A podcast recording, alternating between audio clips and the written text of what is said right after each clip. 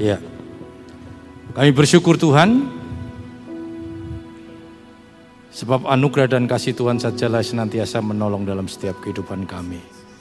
Sebentar kami akan bersama-sama mendengarkan firman Tuhan, berbicara, bekerja dalam setiap kehidupan kami, sehingga firman-Mu boleh menjadi berkat bagi kami sekalian. Nama Tuhan dipermuliakan, nama Tuhan diagungkan. Hanya di dalam nama Tuhan Yesus Kristus kami sudah berdoa. Haleluya. Amin. Puji Tuhan. Silakan duduk. Selamat pagi, selamat kita boleh kembali bertemu dalam kasih Tuhan Kristus. Bapak Ibu sudah diberkati pada pagi yang indah ini. Amin. Allah yang kita sembah adalah Allah yang ajaib, yang luar biasa, yang boleh menolong kita semua. Puji Tuhan, kita akan sama-sama dengarkan firman Tuhan. Di tengah-tengah kita ada hamba Tuhan Bapak Pendeta Tommy Pangaila. Beliau melayani di GPDI Limpung di uh, sekitar Pekalongan ya. Puji Tuhan. Waktu dan tempat saya persilahkan.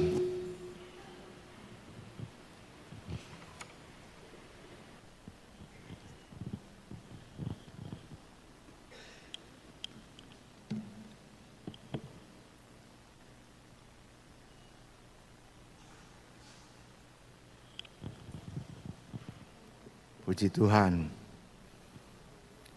Puji Tuhan. Selamat pagi. Selamat berjumpa di dalam kasih persaudaraan dalam Yesus Kristus. Puji Tuhan. Terima kasih kepada Pak Agus yang telah mempercayakan saya untuk menyampaikan firman Tuhan pada pagi ini. Saudara, kalau saudara melihat saya dengan Pak Agus kalau berdiri di depan, saudara melihat yang sama apa saudara? Kalau saya panggil Pak Agus di sini.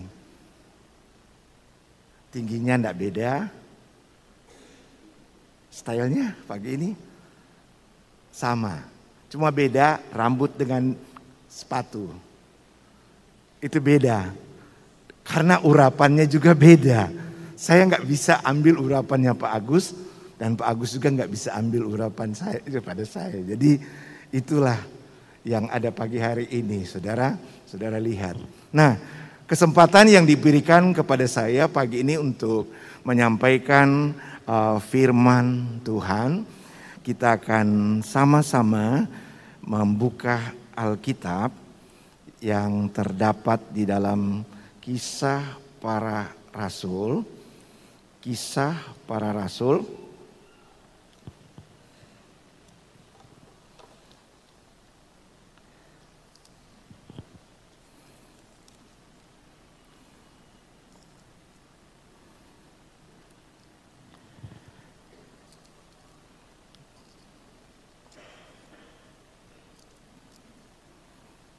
Kisah para Rasul Pasal yang kedua, mulai ayat yang ke-41 saya akan baca buat kita semua pada pagi ini. Cara hidup jemaat yang pertama. Orang-orang yang menerima perkataan itu memberi diri dibaptis dan pada hari itu jumlah mereka bertambah kira-kira 3000 jiwa. Mereka berkenan mereka bertekun dalam pengajaran rasul-rasul dan dalam persekutuan dan mereka selalu berkumpul untuk memecahkan roti dan berdoa. Maka ketakutanlah mereka semua sedang rasul-rasul itu mengadakan banyak mujizat dan tanda. Bapak Ibu Saudaraku yang dikasihi oleh Tuhan, ketika saya dapat informasi dari Pak Agus bahwa hari ini saya dipercayakan untuk melayani. Nah, Bapak Ibu Saudaraku yang dikasih oleh Tuhan muncul di benak pikiran saya bahwa karena ada kebutuhan. Karena itu yang saya sampaikan kepada Pak Agus, ada kebutuhan. Jangan-jangan saya menyampaikan firman Allah karena kemauan saya. Karena itu kebutuhan. Itu yang jadi beban di dalam uh, kehidupan saya di tanggal 14 itu jangan-jangan adalah kemauan saya untuk menyampaikan firman Allah sesuai dengan apa yang saya butuhkan. Apa yang pekerjaan Tuhan di Limpung butuhkan. Saya berdoa dan saya berkata kepada Tuhan, biarlah kehendakmu yang jadi. Nah, saudara, sehingga pagi ini saya punya satu keadaan yang leluasa bebas karena saya percaya ini bukan kehendak saya, tetapi kehendak Tuhan. Dan kalau itu adalah kehendak Tuhan, maka saya percaya ada sesuatu yang pasti terjadi. Nah, pagi ini saya dan saudara dibawa kepada Rana di mana melihat kepada jemaat yang mula-mula. Nah, jemaat yang mula-mula di sini saya dan saudara perlu lebih jauh karena saya percaya saudara sudah tahu dan lebih jauh lagi saudara tahu bahwa jemaat yang mula-mula Pertama, mereka memiliki sukacita ilahi. Itu. Sukacita ilahi. Dan sukacita ilahi ini tidak terampas oleh segala sesuatu keadaan yang mereka hadapi. Apa pun yang dihadapi, sukacita ilahi itu terus ada. Tetapi, ini ada tetapi dengan berjalannya waktu, dengan bertambahnya usia, saudara, dengan adanya fisik menurun, saya percaya itu cukup terganggu. Saudaraku yang dikasih oleh Tuhan. Sehingga pada saat berhadapan dengan persoalan, pada saat berhadapan dengan masalah, pada saat berhadapan dengan sebuah tantangan, tentu ada perubahan dalam mensikapi hal ini. Saudaraku yang dikasih oleh Tuhan, kenapa? Kalau kita melihat ada anak-anak Tuhan, aduh dulu saya begini, aduh dulu saya begini, tapi kok sekarang sudah begini. Kenapa? Karena itu dengan berjalannya waktu, kalau tidak di dicas terus menerus. Hanya dicas di satu minggu saja, tetapi tidak setiap hari, itu akan mengalami kondisi perubahan. Nah, perubahan inilah, saudara, yang akan menyebabkan sesuatu hal pengaruh yang sangat kuat. Untuk itu, pagi ini kita ingin sama-sama belajar melihat kepada seorang raja. Daraku kita melihat di dalam satu Samuel Fatsal 25. Satu Samuel Fatsal 25 kalau ditayangkan saya sudah tidak melihat Alkitab dan kita baca di satu Samuel pasal 25 Kita membaca ayat yang pertama di situ dikatakan dan matilah Samuel seluruh orang Israel berkumpul meratapi dia dan menguburkan dia di rumahnya di Rama dan Daud berkemas lalu pergi ke padang gurung padan. Saudara, kita melihat dengan berjalannya waktu, ini adalah bicara tentang Daud. Daud kita sudah tahu bahwa yang mengurapi Daud dipakai oleh Tuhan adalah Samuel. Dan sejak dari di mana Daud diurapi, bahwa saya percaya bahwa dia telah memiliki sukacita ilahi yang begitu luar biasa. Tetapi dengan berjalannya waktu, Saudara, di dalam pasal 25 ini ada sebuah peristiwa yang terjadi. Dikatakan bahwa seorang yang mengurapi, seorang yang menuntun, seorang yang membawa Daud untuk ada pada ranah sukses sebagai seorang raja, dead, meninggal. Saudara, realita, kenyataan saudaraku, kalau ada di antara orang yang dikasihi, orang yang dicintai, apalagi dia adalah orang yang dibanggakan, kalau meninggal, rasanya bagaimana yang masih hidup.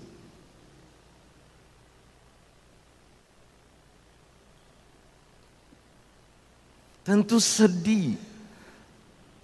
Hari Rabu yang lalu, setelah kami pulang dari Wiradesa berolahraga, sampai di rumah, saya noto-noto sedikit, ada orang datang.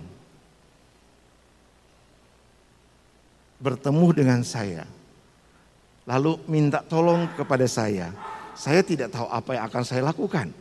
Dia berkata begini, Pak tolong Pak. Ada apa?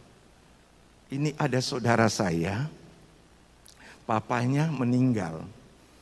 Lalu anaknya ini kesurupan saudara. Kesurupan dari tempat saya mungkin itu sekitar 10 kilo atau lebih gitu.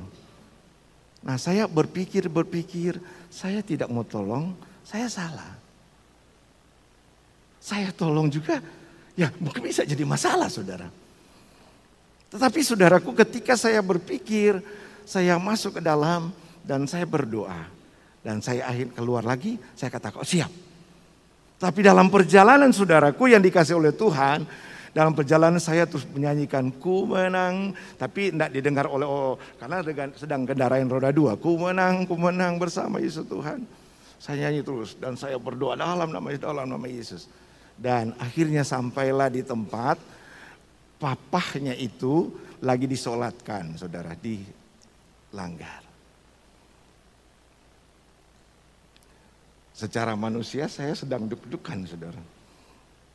Tapi akhirnya saya ikut dengan yang mengantar saya masuk dan berjumpa dengan orang yang dinyatakan kesurupan itu. Tapi di jalan saya sudah berdoa dalam nama Yesus, dalam nama Yesus.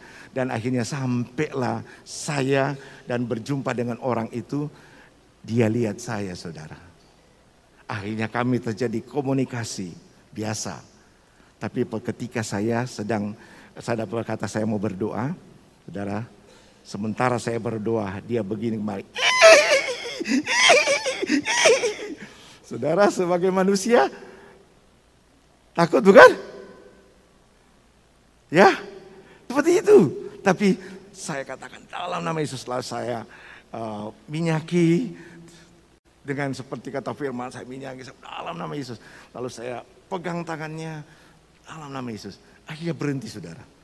Setelah sudah berhenti kita ngobrol lagi. Saya tidak mau lama-lama lagi. Saya katakan saya permisi ya pulang. Jangan nanti terjadi apa-apa lagi jadi masalah. Karena cuma saya sendiri di situ. Tidak ada yang membantu saya. Nah Bapak Ibu Saudaraku yang dikasih oleh Tuhan. Melihat kepada Daud dalam hal ini. Sedih bukan? Tetapi herannya saudara.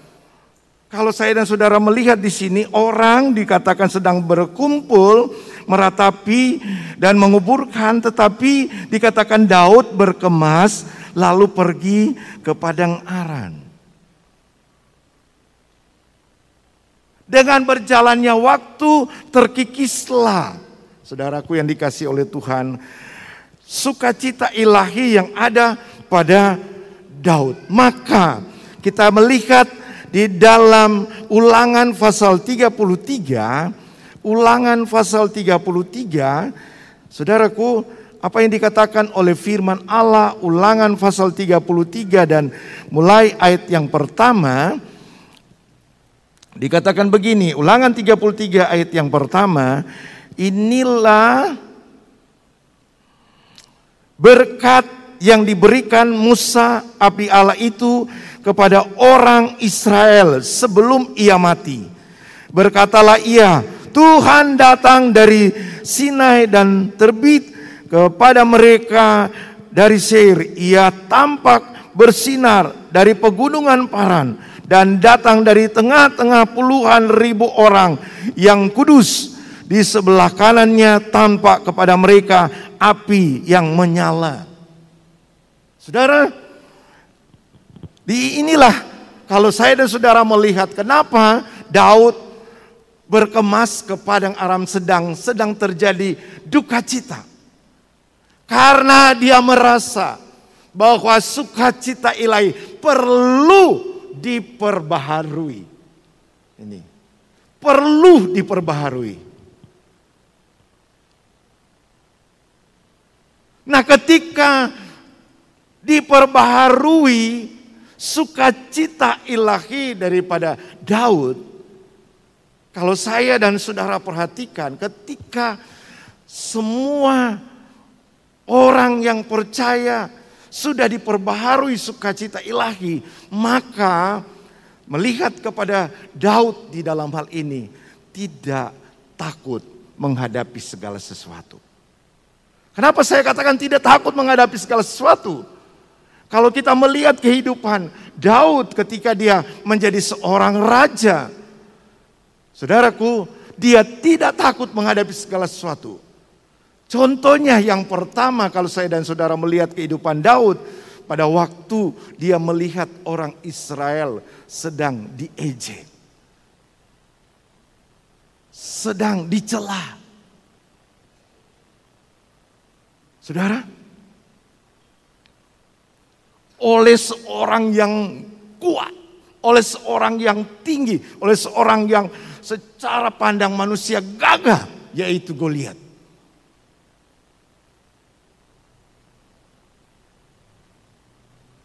Saudara kalau pikir sebagai manusia melihat antara Goliat dan Daud, menurut firman Allah bahwa berbeda jauh saudara. Apalagi sudah dikata-katain. Seorang ingusan, seorang tidak ada apa-apa dari pandangan daripada Goliat. Tetapi di dalam kehidupan Daud, dia memiliki sukacita ilahi yang tidak terampaskan oleh segala sesuatu. Maka saudaraku, dia hanya berkata, kalau gagahnya Goliat seperti itu, datang seperti itu. Tapi Daud hanya berkata, dia hanya datang dengan nama Tuhan. Dengan nama Tuhan. Sehingga dengan fasilitas yang kecil, yang diambil dari sungai, dari laut, saudara. Oleh Daud dan itu dipergunakan, dimanfaatkan dengan sungguh-sungguh. Dan apa yang kita lihat, realita firman Allah berkata, Goliat tergeletak, mati. Nah saudaraku, ini Daud. Nah kalau saya dan saudara datang juga melihat kepada Elia. Saudara pada satu ketika seorang nabi yang dipakai oleh Tuhan datang kepada Ahab dan menegur Ahab. Menyampaikan sesuatu kepada Ahab. Berkaitan dengan mundurnya keadaan bangsa pada waktu itu. Tetapi apa yang terjadi saudaraku ketika itu Ahab merespon apa yang dikatakan oleh seorang utusan Tuhan ini. Lalu dia menyalahkan Elia. Oh karena kamu ya menjadikan bangsa ini seperti ini saudara. Tetapi di sinilah kita melihat bersama-sama bahwa ketika Elia mendengar hal ini, dia punya sukacita ilahi sehingga dia tidak terbawa oleh suasana yang disampaikan mungkin menunjuk-nunjuk tangan seperti ini saudara. Tetapi Bapak Ibu Saudaraku yang dikasih oleh Tuhan, Elia dalam hal ini, dia punya sukacita ilahi sehingga dengan keberanian dia berkata, bukan aku. Ini yang seharusnya ada dalam diri saya dan diri saudara. Bukan aku. Tetapi dia berani berkata karena kamu, karena Raja Ahab yang punya dan keluarga. Bayangkan saudara, dia berkata bukan saja hanya Ahab tetapi dan keluarga. Yang menjadikan bangsa ini terjadi seperti ini. Sehingga pada saat itu untuk membuktikan. Karena yes, eh, Elia berkata bahwa Ahab telah meninggalkan apa yang Tuhan sudah perintahkan. Sehingga Elia berkata, kumpulkan semua nabi-nabi palsu sebanyak 450 dan nabi sera apa 400 orang. Jadi sebanyak 850 orang. Sedangkan Elia sendiri sampai diajak untuk Katakan membuktikan Tuhan mana yang hidup, Tuhan mana yang berkuasa. Dijadikanlah Elia berkata buat tempat untuk mesbah dan disediakan korban. Saudara, apa yang terjadi? Sebanyak 800 orang ini melakukan aktivitas supaya terbakarlah korban mereka. Sampai saudaraku mereka sudah buat seperti itu. Tidak terbakar. Tetapi yang uniknya karena Elia punya sukacita ilahi. Dia berkata kepada seluruh orang perbaiki dan taruh korban dan bawa air sebanyak mungkin siram saudara. Sampai meluber. Dan apa yang terjadi saudara? Karena Elia punya sukacita ilahi. Dia minta kepada Bapa. Dia sampaikan itu kepada Bapa. Dan pada saat dia sampaikan itu kepada Bapa, dan firman Allah berkata dan mencatat, api dari Tuhan datang membakar. Secara nalar mustahil. Tetapi firman Allah berkata, bagi Allah tidak ada perkara yang mustahil. Amin. Tidak ada perkara yang mustahil. Lalu kita melihat satu peristiwa di dalam kisah Rasul. Kisah para Rasul, saudara pasal yang kedua Firman Allah berkata di sana, kisah pasal Rasul pasal 2,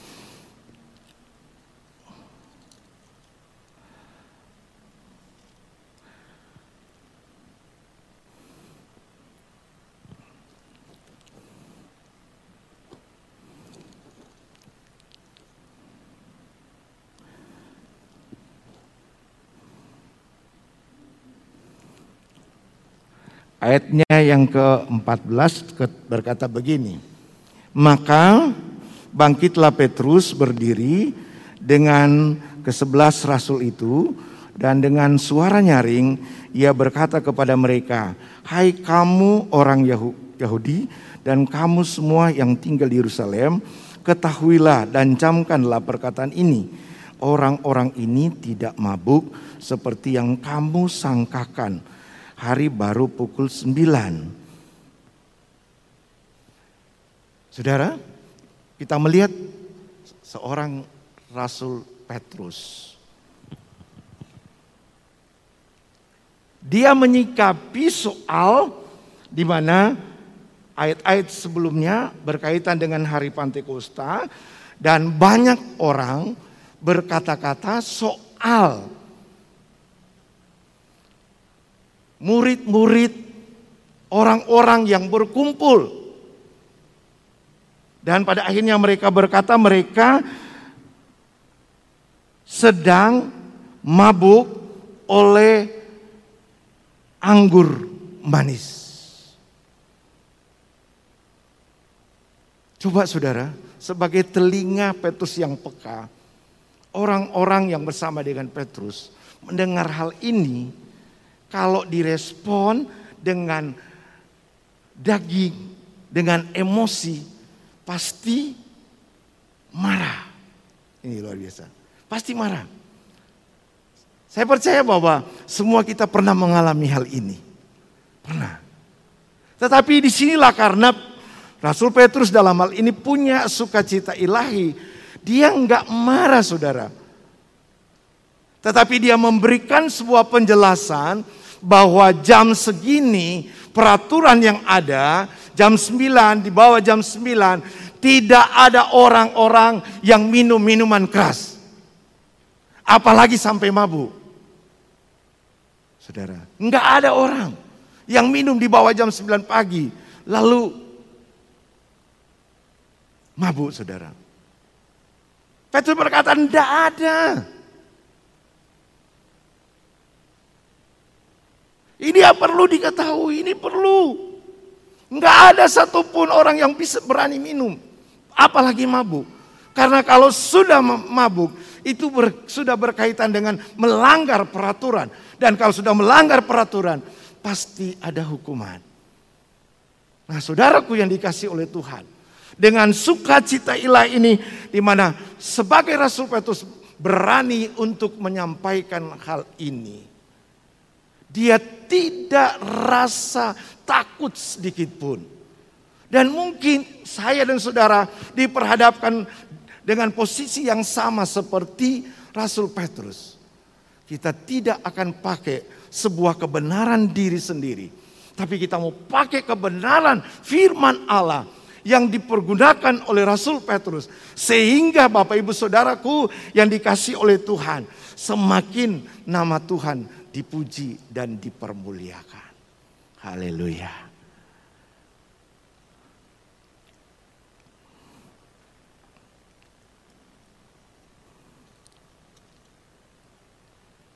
Saya mengingat saudara ini dari saya, kalau tidak ada sukacita ilahi,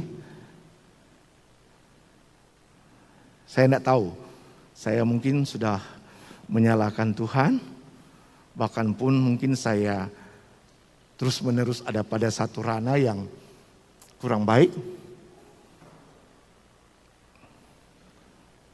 Istri saya sudah sekian tahun sakit. Enggak bisa buat apa-apa, apalagi di hari-hari ini. Enggak bisa buat apa-apa lagi, hanya di tempat tidur saja. Nah kalau saya katakan saya tidak punya sukacita ilahi, ya mungkin saya sudah katakan Ya sudah Tuhan, seperti pendahulu-pendahulu di dalam Alkitab, ya sudah selesai saja gitulah seperti itu.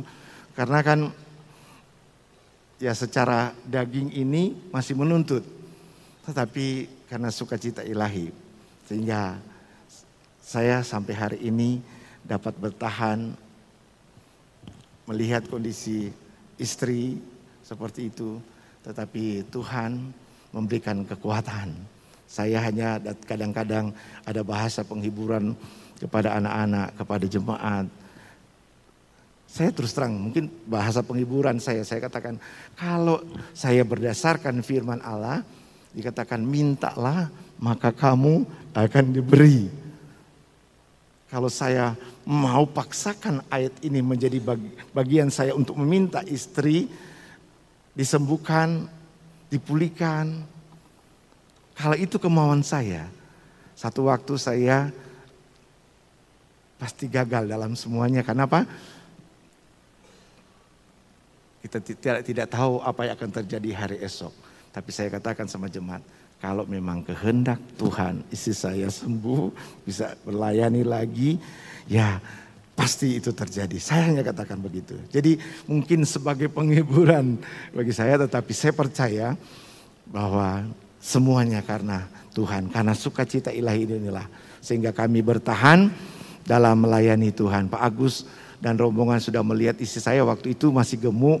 Tapi sekarang maaf bicara sudah semakin turun badannya. Karena sudah tidak bisa makan makanan yang seperti nasi. Sudah nggak bisa hanya seperti ya Alkitab katakan bayi. Makan lagi seperti makanan bayi saudara. Dan hidup dikasih susu saudara. Itu terus dalam beberapa bulan ini. Tapi saya berterima kasih karena Tuhan masih izinkan saya lihat istri Dan anak-anak lihat istri dan jemaat lihat istri. Itu saya berterima kasih. Itu karena sukacita ilahi. Nah saudara, ini yang ada pada jemaat yang ada di jemaat mula-mula. Lalu yang, yang kedua, yang kedua yang ada pada jemaat mula-mula adalah duduk sama rendah, berdiri sama tinggi. Maksudnya dalam hal ini bahwa satu dengan yang lain tidak mengambil bahwa oh karena saya gereja bisa maju. Oh karena saya Bapak dan Gembala bisa ada. Oh, oh, oh, jadi oh, oh, oh terus itu saudara. Enggak saudara. Tetapi di sini sebuah kerendahan hati yang dimiliki oleh seluruh jemaat mula-mula ini, saudara. Sehingga jemaat yang mula-mula ini memang mereka benar-benar memperlihatkan kerja sama yang baik. Dan dalam firman Allah berkata mereka tidak melupakan melakukan persekutuan.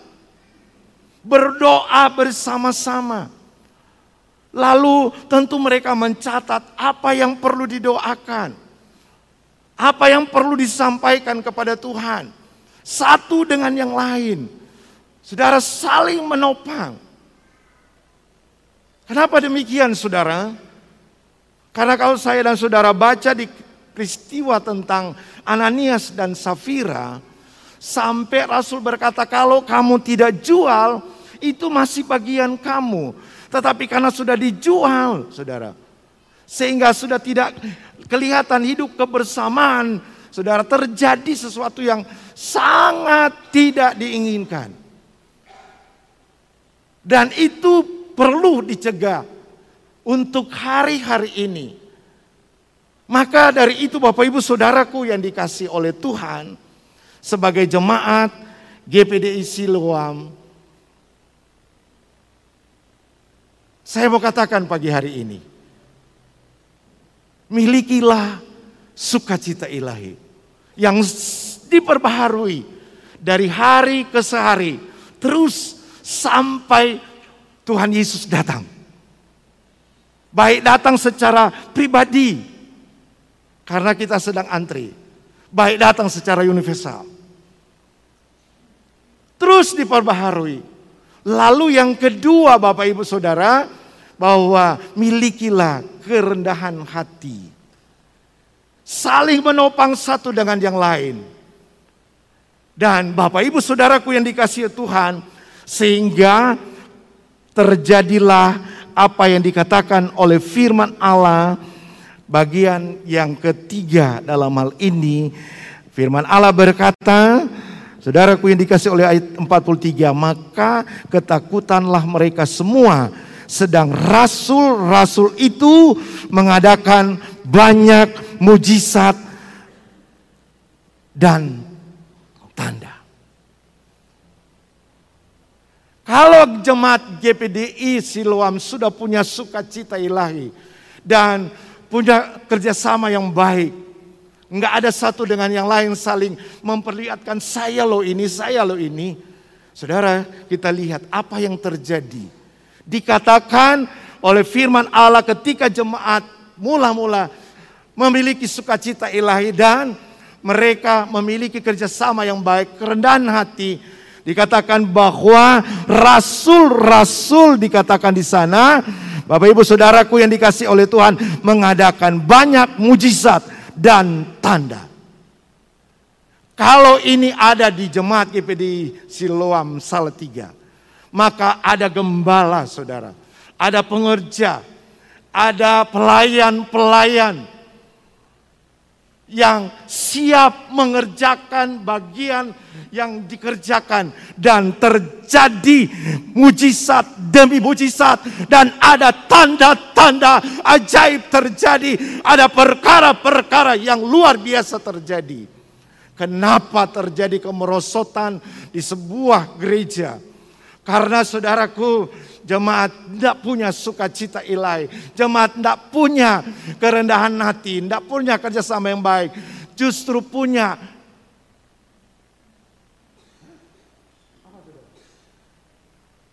Gembala bicara begini, disangka begini. Pelayan bicara begini, tua-tua sidang bicara begini, begini saudara. Dan akhirnya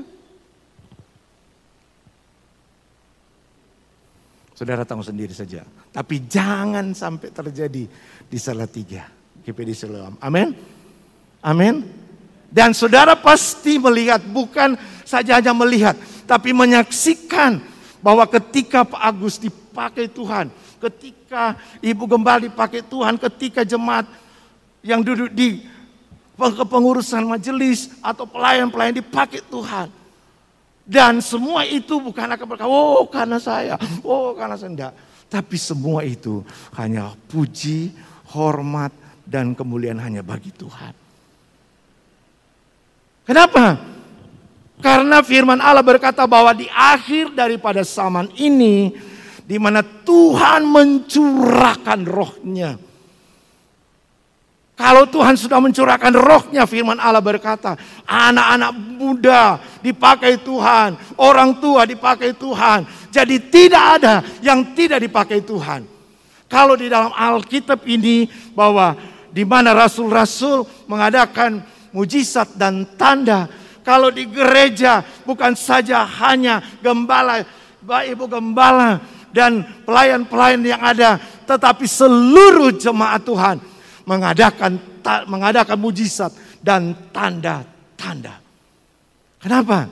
Karena ini terjadi karena ada sukacita ilahi dan ada kerjasama yang baik, kerendahan hati yang begitu luar biasa yang Tuhan pakai karena Tuhan berkata orang yang congkak dibenci oleh Tuhan. Tetapi orang yang rendah hati dikasihani bahkan diberkati untuk selama-lamanya sampai selama-lamanya. Tuhan memberkati kita semua. Tapi saudara saya mau katakan di sini di gereja, di rumah, di mana saja saudara boleh lakukan lagu ini. Tetapi jangan di penjara. Ya, jangan di penjara. Kenapa? Karena ini terjadi beberapa waktu yang lalu di satu penjara. Ketika hambanya sudah selesai firman Allah, dia berkata, mari kita nyanyi, ku ingin tetap di sini. Pada waktu lagu, ku ingin tetap di sini, semua yang dipenjarakan itu keluar dari tempat ibadah. Kenapa? Karena mereka tidak mau dipenjara terus. Tidak mau, mereka mau bebas. Nah Bapak Ibu Saudara di mana saja saya dan saudara berada. Supaya sukacita ilahi dan kebersamaan kerendahan hati itu terus membara, terus membakar, terus terjadi dalam hidup kita. Kita mau katakan, ku ingin tetap di sini. Ketika terus kita tetap di sini, maksudnya di hadirat Tuhan, di suasana sorga, di rencana Allah, di mana Allah ada, kita mau tetap di sana sehingga ada mujizat, ada tanda-tanda yang terjadi yang dikerjakan oleh Allah lewat kehidupan saya dan kehidupan saudara. Yesus, terima kasih Tuhan. Ibu Karen bawa kita dalam doa. Terima kasih Bapak yang baik. Haleluya Yesus. Tuhan. Amin. Setiap yang kami dengar siang pagi hari ini Tuhan. Terima kasih. Biarlah ini boleh menjadi kerinduan kami Tuhan. Kalau kami ingin selalu berada di hadiratmu menikmati setiap kasih karunia Tuhan, menikmati hadirat Tuhan di atas kehidupan setiap kami. Berkati Tuhan hambamu yang sudah engkau kirim ke tempat ini untuk menyampaikan firman Tuhan. Biar apa yang disampaikan boleh menjadi berkat bagi kami yang mendengarnya. Ketika kami keluar dari tempat ini, kami menerima sesuatu yang baru yang Tuhan taruh di atas kehidupan setiap kami. Terima kasih Bapak, kami bersyukur hanya di dalam nama Yesus. Haleluya. Amin.